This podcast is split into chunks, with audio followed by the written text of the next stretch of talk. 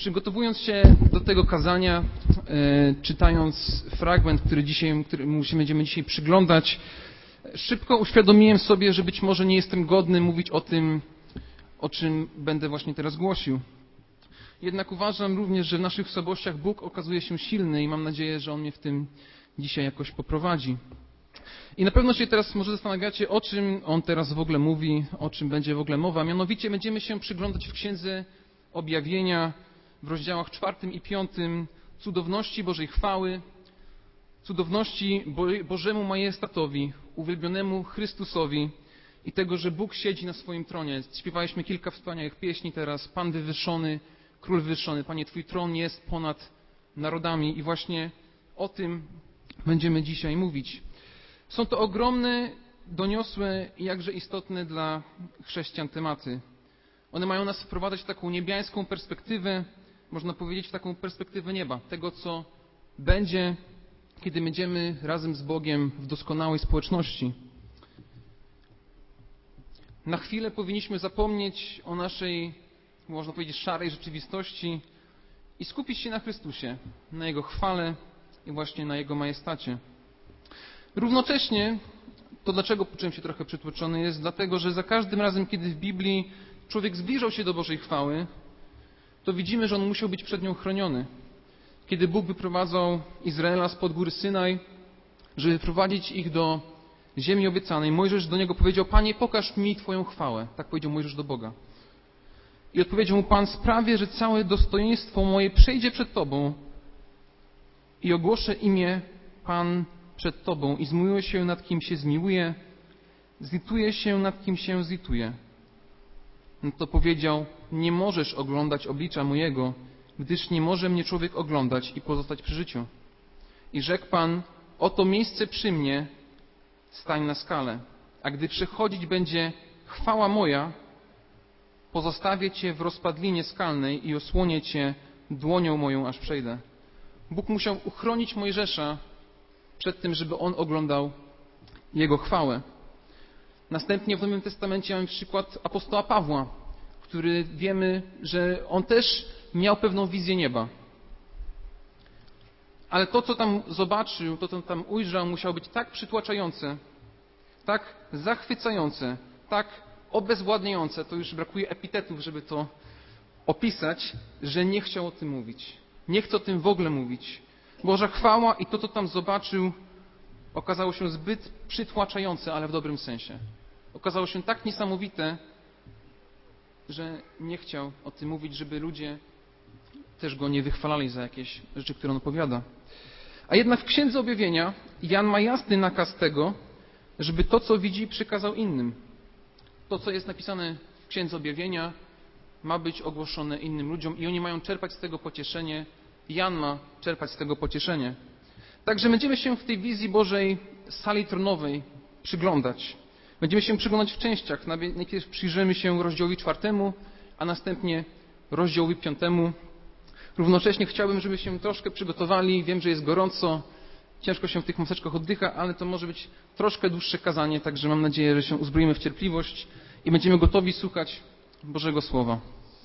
Także otwórzcie proszę Księgę Objawienia, rozdział czwarty i czytamy wersety od pierwszego do jedenastego.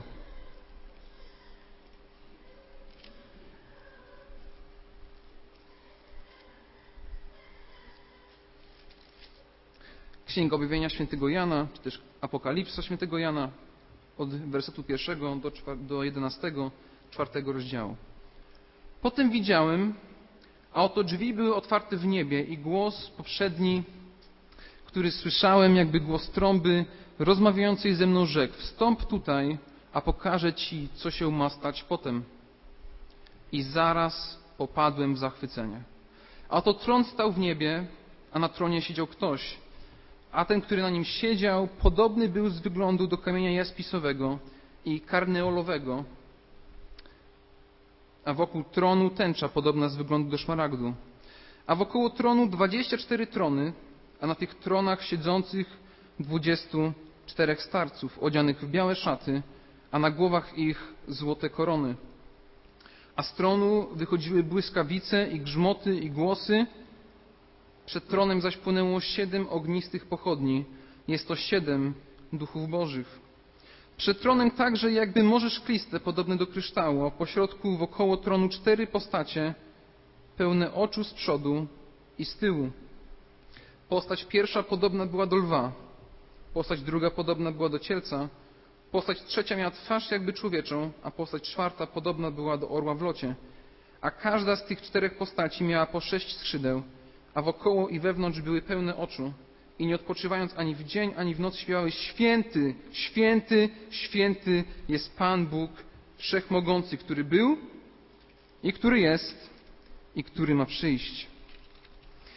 A gdy postaci oddadzą chwałę i cześć i złożą dziękczynieniu temu, który siedzi na tronie, który żyje na wieki wieków, upada dwudziestu czterech starców przed tym, który siedzi na tronie i daje pokłon temu, który żyje na wieki wieków i składa korony swoje przed tronem, mówiąc: Godzien jesteś, Panie i Boże nasz, przyjąć chwałę i cześć i moc, ponieważ Ty stworzyłeś wszystko i z woli Twojej zostało stworzone i zaistniało. Także od wersetu pierwszego zaczyna się kolejna wizja. Do tej pory widzieliśmy w pierwszym rozdziale, do rozdziału trzeciego, znajduje się tę wizja Chrystusa oraz listy do kościołów. A teraz jest kolejna wizja, kolejne spojrzenie, kolejny wgląd w to, co może apostoł Jan ujrzeć. I to, co widzi, w wersecie drugim czytamy, że i zaraz popadłem w zachwycenie. To, co widzi, powoduje w nim zachwyt.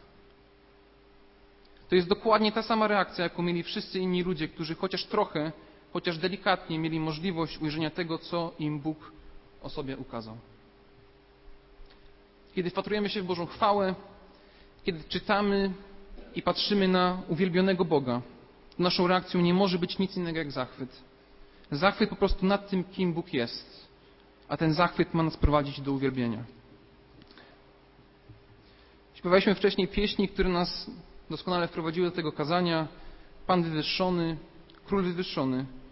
Pieśni mówiące o właśnie Bożym majestacie i Bożym panowaniu. I o tym Bożym panowaniu teraz powiemy. Bo po zachwycie jest opis tronu.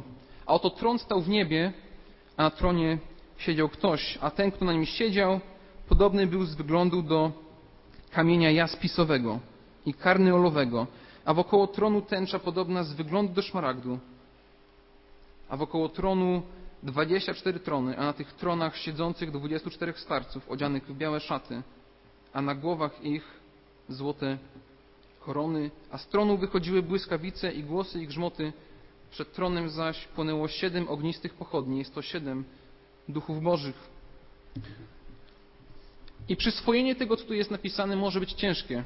Szczególnie z tego powodu, że żyjemy w kulturze, gdzie władza nie jest osadzona w jednym miejscu. Nie jest osadzona w jednym krześle. Władza nie znajduje się w ręku jednej osoby. Wręcz taka myśl dzisiaj byłaby dla nas bardzo bulwersująca. Żyjemy w kraju demokratycznym, gdzie gdy władza nam się nie podoba, zmieniamy ją. Ktoś nam się nie podoba przy władzy, głosujemy na nowych. I często przez to, że mamy taką, taki ustrój, który nie oddaje w pełni tego, co jest tutaj ukazane, nie możemy w pełni też pojąć tego, co tu jest napisane. Przez to, że też w ten sposób postępujemy, zasadniczo społecznie nastawienie do władzy jest bardzo niskie i ciężko jest nam się odnieść do władzy skupionej w jednym miejscu. To nie jest tak, jak kiedyś, gdy były dwory królewskie, pełne przepychu, gdzie ta władza i majestat był widoczny. Wiadomo było, że było się w obliczu króla, że się stało przed królem.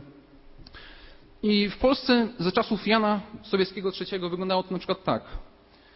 Pomimo tego, że polski ceremoniał oraz etyka dworska nie były tak rozbudowane, senatorowie potrafili upomnieć się o należny królowi szacunek. O ten aspekt dbał głównie magister dworu wszystkiego królewskiego, marszałek wielki i nadworny.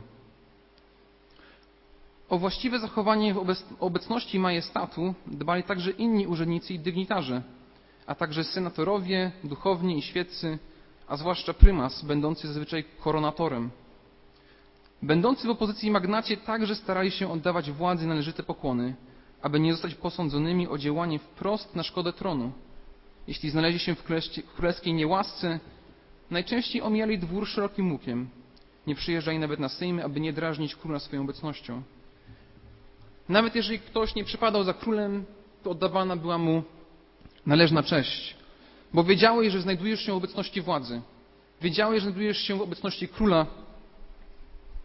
I byli ludzie, którzy zabiegali w szczególny sposób o to, żeby ta chwała i ten majestat królowi był oddawany. I właśnie ten majestat i chwała owiane wokół tronu są jakby zapowiedzią, zaczątkiem tego, co jest widoczne w tym fragmencie. Nawet największy majestat, nawet największa chwała jakiegokolwiek króla ziemskiego, jakiegokolwiek premiera, jakiegokolwiek prezydenta nie zbliża się do tego, co tutaj znajdujemy. Na tronie siedzi Bóg, a wokoło jego, w wersecie czwartym czytamy tak, a wokoło tronu 24 trony, a na tych tronach siedzących 24 starców odzianych w białe szaty, a na głowach ich złote korony. Mamy tutaj trzy rzeczy, czy też trzy istotne elementy tego uwielbienia dla Boga. Są trony, są, jest 24 starców i ta liczba 24 jest pewnym symbolem, który komentatorzy generalnie się zgadzają, że to chodzi zarówno o 12 plemion Izraela, jak i 12 apostołów, że przed Bożym tronem, oddając Mu chwałę, będą wszyscy ludzie odkupieni przez Boga. Są starcy, a na głowach tych starców są jeszcze złote korony. Natomiast ciekawe jest to, że ci starcy siedzą na tronach, które symbolizują władzę, mają na głowach korony, które ponownie symbolizują władzę i również w, plemieniach, w plemionach izraelskich, czy też w państwie izraelskim również starcy również posiadają pewną władzę. I co oni z tymi koronami robią? W wersecie 9 do 11 widzimy dalszą tego część, rozwinięcie. A gdy postaci oddadzą chwałę i cześć i złożą dziękczynienie temu, który siedzi na tronie, który żyje na wieki wieków, upada dwudziestu czterech starców przed tym, który siedzi na tronie. I wydaje pokłon temu, który żyje na wieki wieków i składa korony swoje przed tronem, mówiąc, godzien jesteś, Panie i Boże nasz, przyjąć chwałę i cześć i moc, ponieważ Ty wszystko stworzyłeś i z woli Twojej zostało stworzone i zaistniało. Także ci, co mają władzę, schodzą ze swoich tronów, upadają przed tym, który siedzi na jedynym tronie. Upadają przed tym, który żyje na wieki wieków i co więcej składają swoje korony. Pozbywają się swojej władzy, żeby oddać wszelką władzę temu, który siedzi na tronie. Godzien jesteś, Panie i Boże, nas przyjąć chwałę i cześć i moc, ponieważ Ty stworzyłeś wszystko i z woli Twojej zostało stworzone i zaistniało. Wszelka władza podlega pod Boga. Bóg jest królem królów i panem panów. Można powiedzieć, że on jest prezydentem wszystkich prezydentów, premierem wszystkich premierów, prezesem wszystkich prezesów. Tylko jemu należy się chwała i cześć i moc i uwielbienie, nikomu innemu.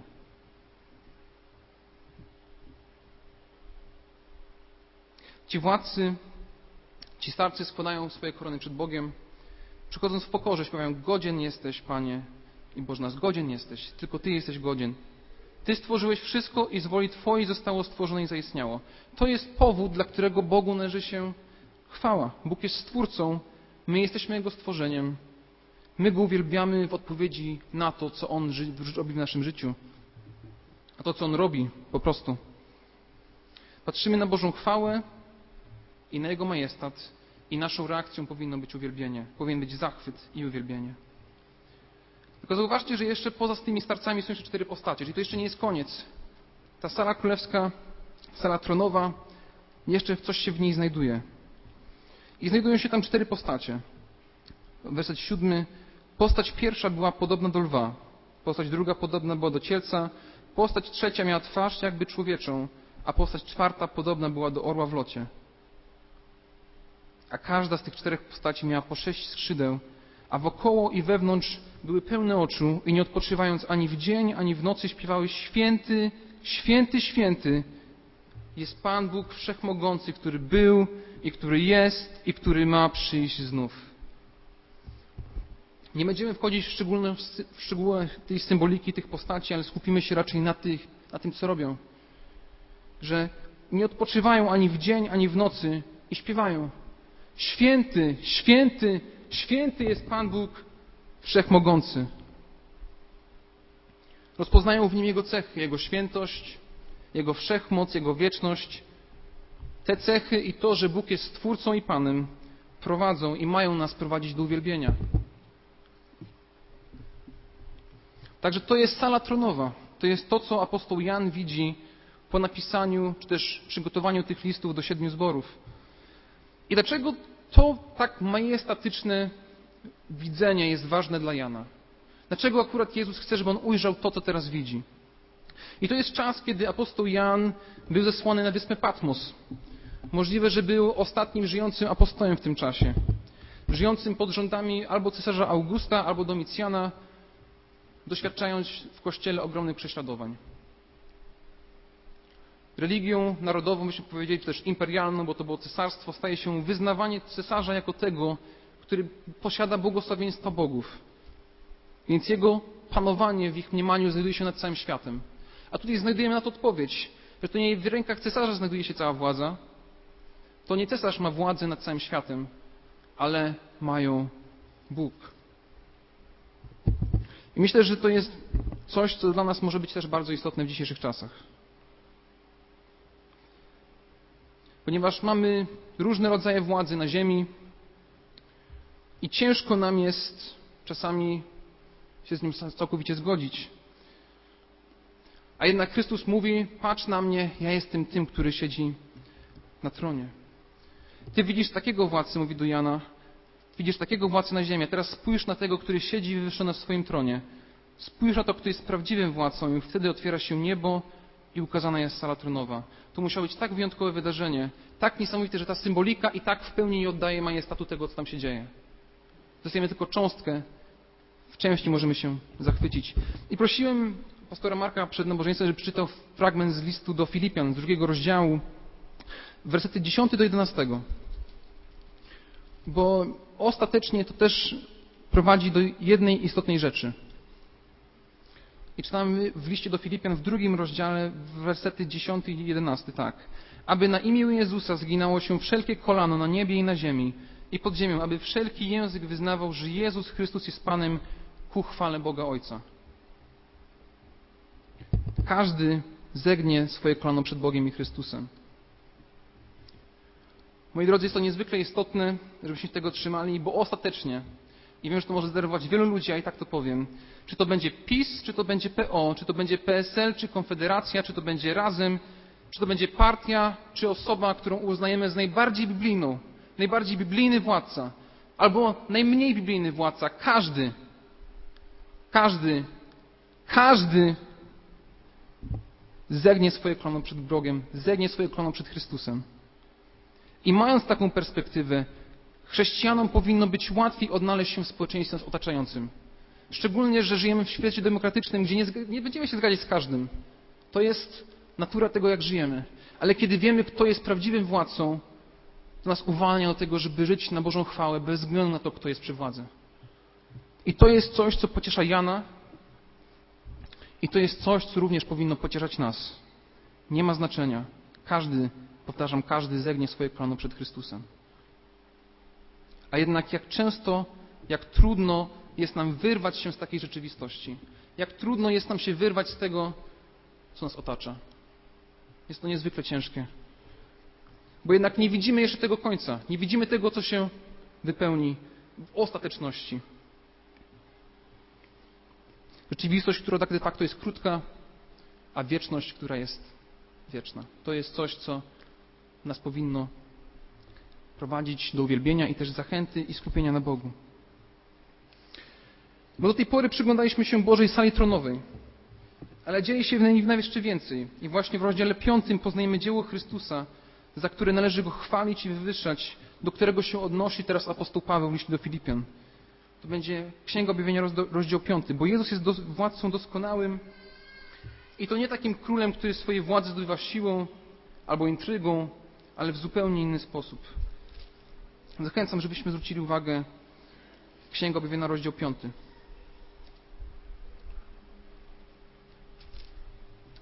I widziałem w prawej dłoni tego, który siedział na tronie, księgę zapisaną albo zwój zapisany wewnątrz i zewnątrz, zapieczętowaną siedmioma pieczęciami.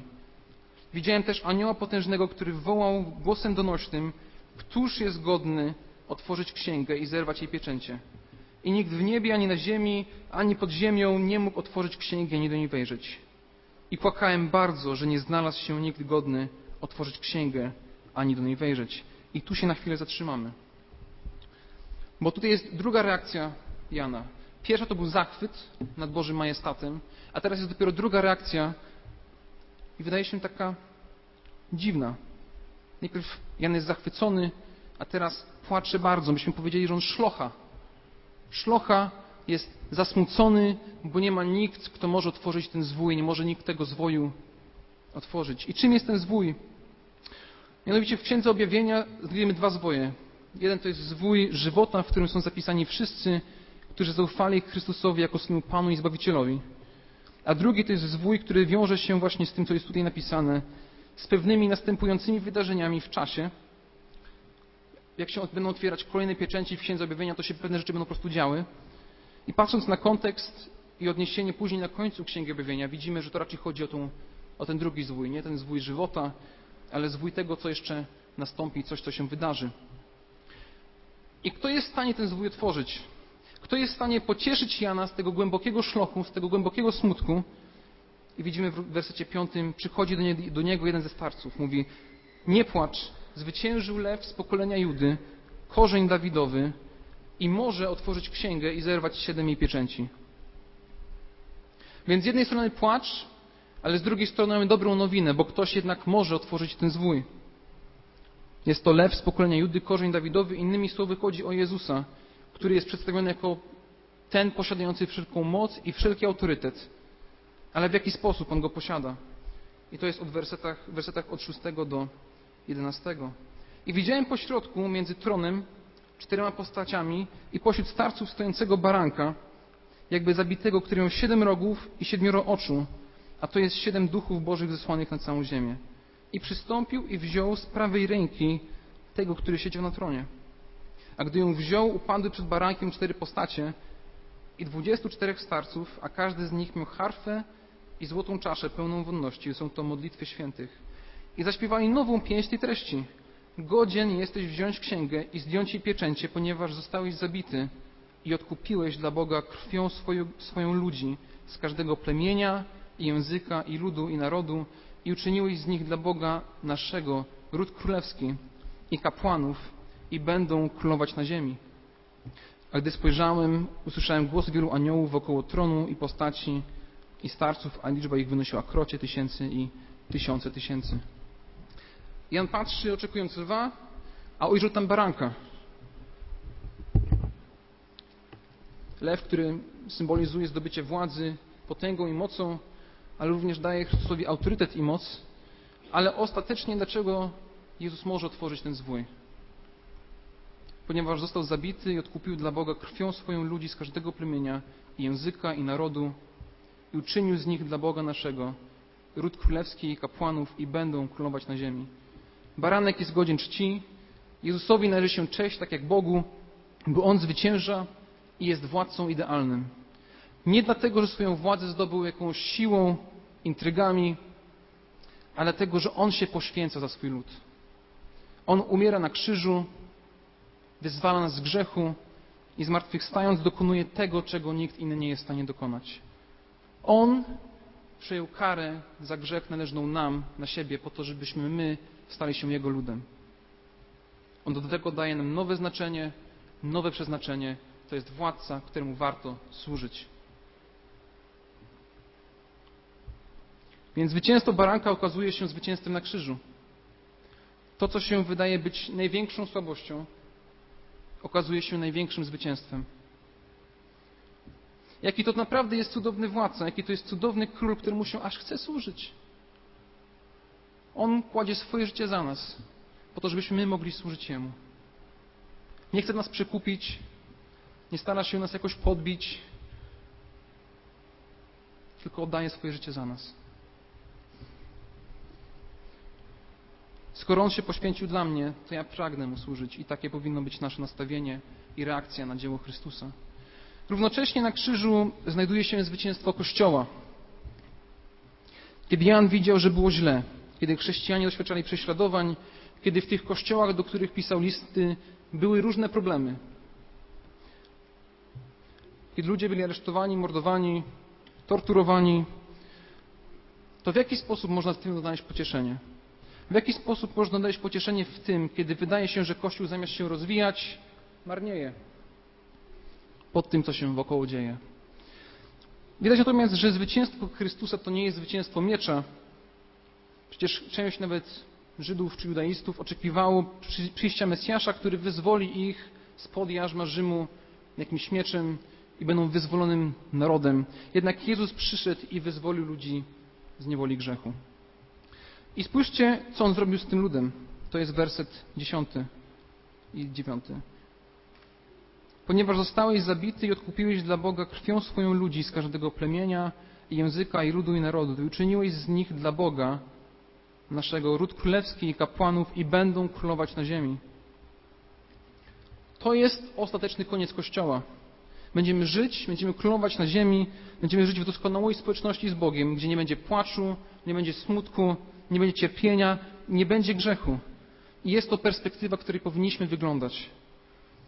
W rozdziale 21 Księgi Objawienia widzimy, jak to, jak to się wypełni w wersetach od pierwszego do, do ósmego. I widziałem nowe niebo i nową ziemię, bowiem pierwsze niebo i pierwsza ziemia przeminęły i morza już nie ma. I widziałem miasto święte, nowe Jeruzalem, wstępujące z nieba od Boga, przygotowane jako przyozdobiona oblubienica dla męża swego. I usłyszałem donośny głos stronu mówiący, oto przybytek Boga między ludźmi i będzie mieszkał z nimi, a oni będą ludem Jego, a sam Bóg będzie z nimi. I otrze wszelką łzę z oczu ich i śmierci już nie będzie, ani smutku, ani krzyku, ani mozołu nie będzie, albowiem pierwsze rzeczy przeminęły.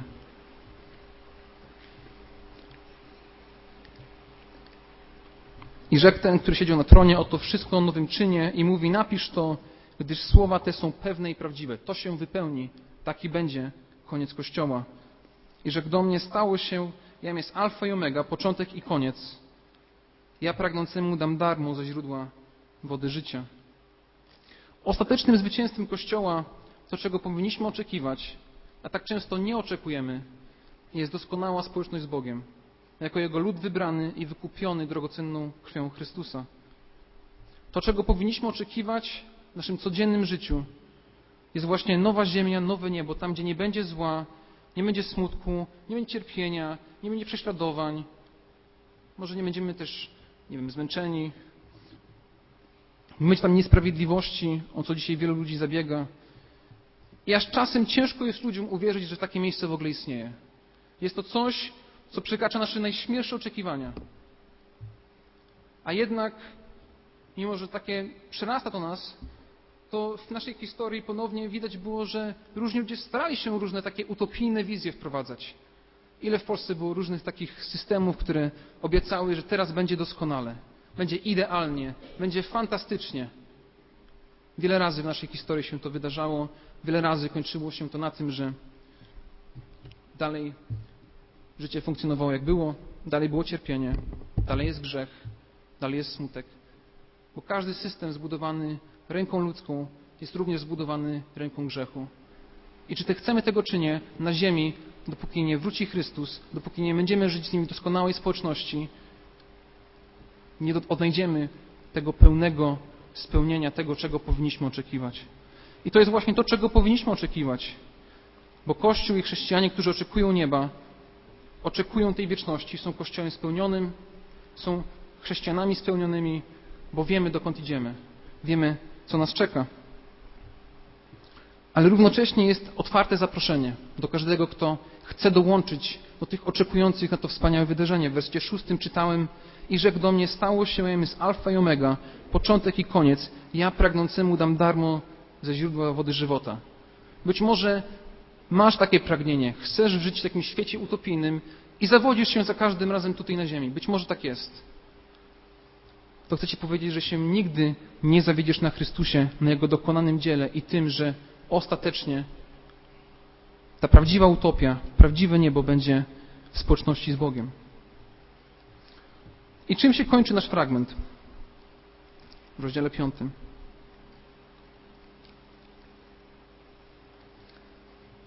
A gdy spojrzałem, usłyszałem głos wielu aniołów wokoło tronu i postaci i starców, a liczba ich wynosiła krocie tysięcy i tysiące tysięcy. I mówili głosem donośnym, godzien jest ten baranek zabity, wziąć moc, bogactwo i mądrość i siłę i cześć i chwałę i błogosławieństwo. I słyszałem, jak wszelkie stworzenie, na które jest na niebie i na ziemi, i pod ziemią, i w morzu, i wszystko, co jest w nich, mówiło temu, który siedzi na tronie i barankowi, błogosławieństwo i cześć i chwała i moc na wieki wieków. A cztery postacie mówiły Amen, starcy zaś upadli i oddali pokłon. Na tym się kończy. Kończy się to uwielbieniem i to uwielbieniem, do którego dołączają wszyscy.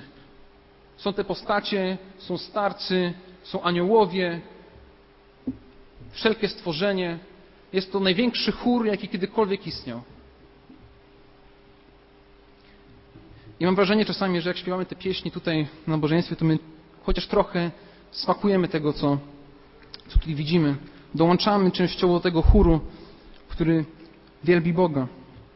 I właśnie te dwa rozdziały w Księdze Objawienia są położone w taki sposób, żebyśmy na chwilę przestali się przejmować naszą rzeczywistością i naszymi problemami, ale żebyśmy skupili się w stu procentach na Bogu i na Chrystusie i na Jego dziele, bo to koniec końców jest to, do czego powinniśmy dążyć. To, co On dokonał za nas na krzyżu i żebyśmy zauważyli lepszego władcę, który nawet swojego życia nie oszczędza za swój lud. Takiemu należy się chwała i cześć i moc i chwała na wieki wieków. Amen.